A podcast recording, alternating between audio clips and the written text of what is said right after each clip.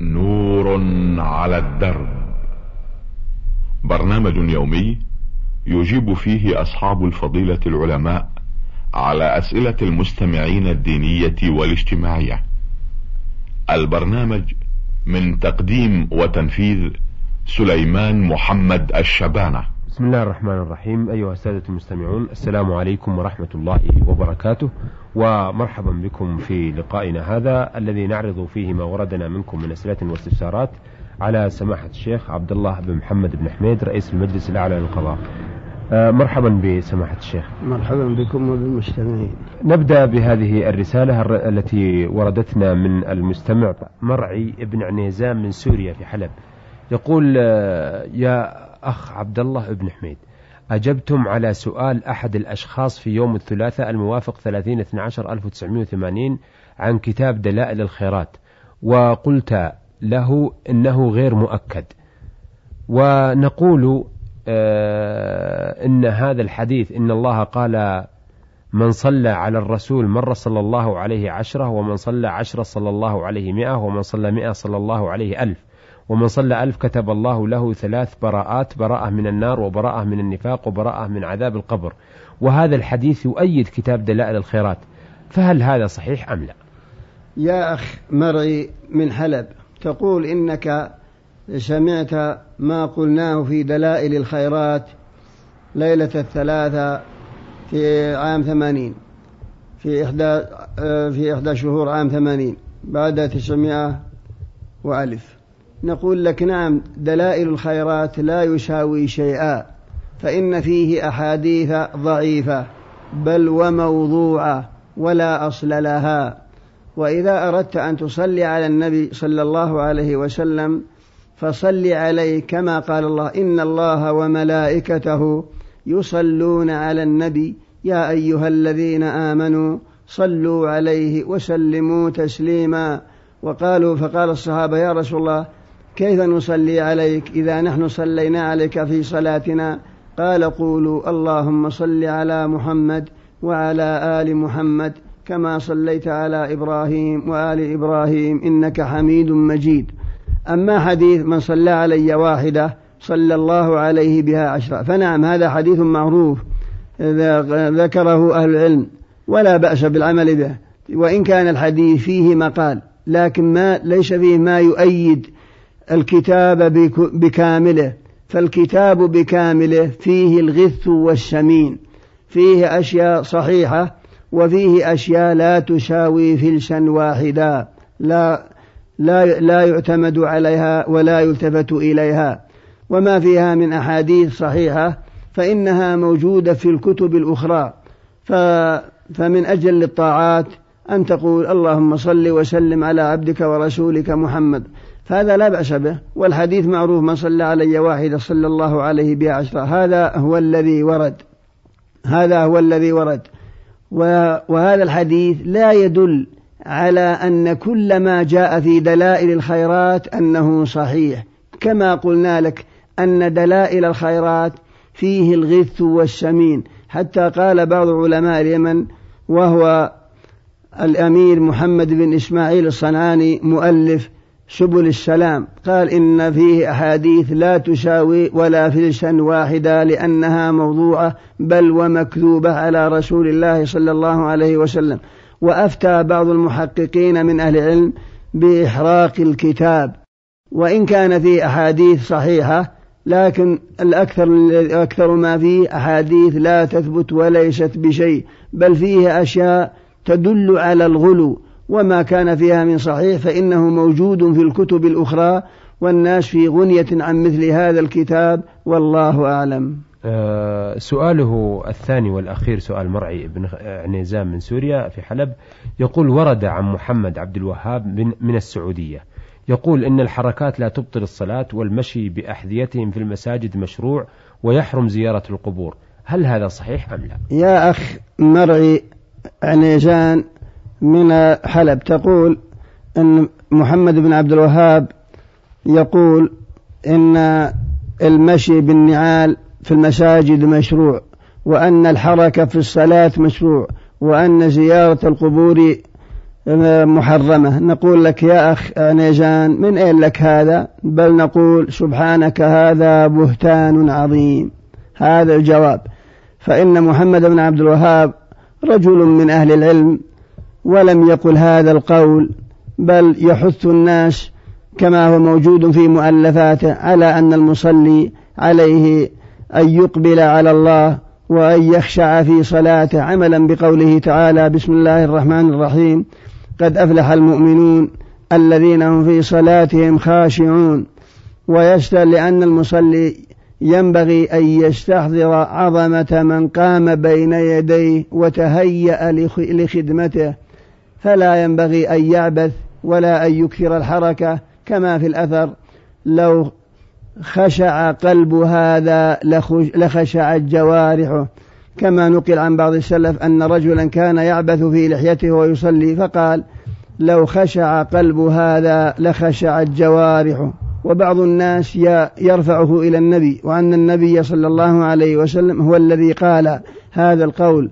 ولكن الحافظ بن رجب الحنبلي قال لم يقل الرسول هذا القول ولم يصح عنه أنه قال لو خشع قلب هذا لخشعت جوارحه وإن كان المعنى صحيح إنما هذا من قول بعض السلف. وهذا هو الذي يقوله محمد بن عبد الوهاب. أما المشي بالنعال في المساجد ويقول إنه مشروع هذا ليس بصحيح.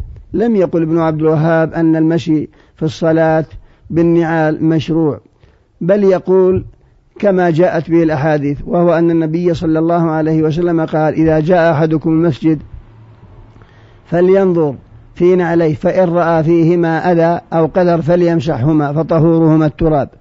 هذا بالنسبة إلى النعال وبالنسبة إلى المساجد في ذاك الوقت. ما إما إذا كانت مفروشة ومهيئة فينبغي أن ينظف المسجد عن النعال وألا يدخل بنعليه خشية تقدير المكان.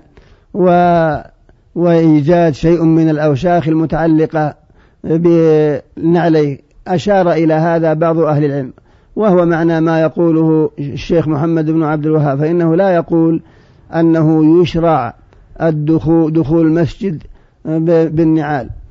أما بالنسبة إلى أنه يقول يحرم زيارة القبور لا أبدا لا يقوله. بل ابن عبد الوهاب يعمل بالأحاديث. ويعرف حديث كنت نهيتكم عن زيارة القبور فزوروها فإنها تذكر الآخرة. وكذلك هو يقول رحمه الله ينبغي للزائر إذا زار المقبرة أن يتأدب بالآداب الشرعية وأن يدعو بما علم به النبي صلى الله عليه وسلم أصحابه وهو أنك إذا دخلت المقبرة تقول السلام عليكم دار قوم مؤمنين وإنا إن شاء الله بكم لاحقون يرحم الله المستقدمين منكم والمستأخرين نسأل الله لنا ولكم العافية اللهم لا تحرمنا أجرهم ولا تفتنا بعدهم واغفر لنا ولهم هذا هو الذي جاءت بالأحاديث وابن عبد الوهاب يقرر, يقرر هذا في كتبه وإنما يقول لا ينبغي شد الرحل إلى القبور. إذا أفضى إلى شد رحل فلا ينبغي. هذا وقول ابن عبد الوهاب عملا بحديث أبي سعيد في الصحيحين. وهو أن النبي صلى الله عليه وسلم قال لا تشد الرحال إلا إلى ثلاثة مساجد المسجد الحرام ومسجدي هذا والمسجد الأقصى. قال هذا الحديث يدل على أنه لا يجوز شد الرحل لزيارة القبور. أما إذا زرتها مثلا في بلدك أو لا تحتاج إلى شد رحل فلا بأس. فكان الرسول يزور المقابر مقابر البقيع ويزور أيضا قبور الشهداء ويأتيهم ويدعو لهم صلوات الله وسلامه عليه. وهذا أمر معلوم وإنما الممنوع هو شد الرحل. إلى القبور. فهذا هو الذي لا ينبغي عملا بحديث أبي سعيد لا تشد الرحال إلا إلى ثلاثة مساجد. وإلى هذا المعنى ذهب القاضي عياض المالكي فإنه قال لا يجوز شد الرحل للقبور. وكذلك ابن رجب الحنبلي وابن عقيل وابن بطة وجمع من أهل العلم والله أعلم. إلا أن ما نقيل لك كله ليس بصحيح كما أوضحنا لك يا أخ مرعي والله أعلم. آه، بعث بهذه الرسالة البرنامج المستمع إبراهيم الحميد عفيفي. يقول آه، إبراهيم آه، عبد الحميد عفيفي السلام عليكم ورحمة الله وبركاته و أرجو من الله عز وجل أن يثيب المشايخ وأن يعينكم.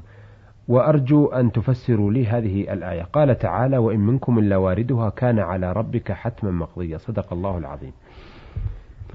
يا أخ إبراهيم عبد الحميد العفيفي تقول ما معنى قوله تعالى وإن منكم إلا واردها كان على ربك حتما مقضيا الآية تدل يدل عليها ظاهرها فإن الآية تدل على أن كلا لا بد أن يمس حقه من هذه من من العذاب من النار حتى بمفارقته لها وألمه منها يعرف فضل الجنة. كما قيل والضد يظهر حسنه الضد وبضدها تتبين الأشياء. فأول الآية فوربك لنحشرنهم والشياطين ثم لنحضرنهم حول جهنم جثيا ثم لننزعن من كل شيعة أيهم أشد على الرحمن عتيا ثم لنحن أعلم بالذين هم أولى بها صليا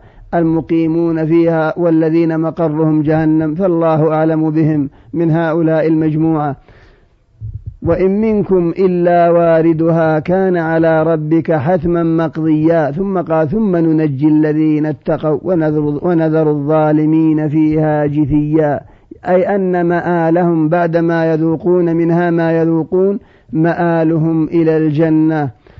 واختلفت أقوال المفسرين في هذه الآية ويدل لها حديث الشفاعة فإن النبي صلى الله عليه وسلم يشفع لأناس دخلوا النار فيخرجون منها حتى لم يبق إلا من كان من من كان في قلبه مثقال حبة من خردل من إيمان فيخرج منها بشفاعة النبي صلى الله عليه وسلم وأقوال المفسرين معلومة في هذه الآية كما أشرنا إلى بعضها والله أعلم.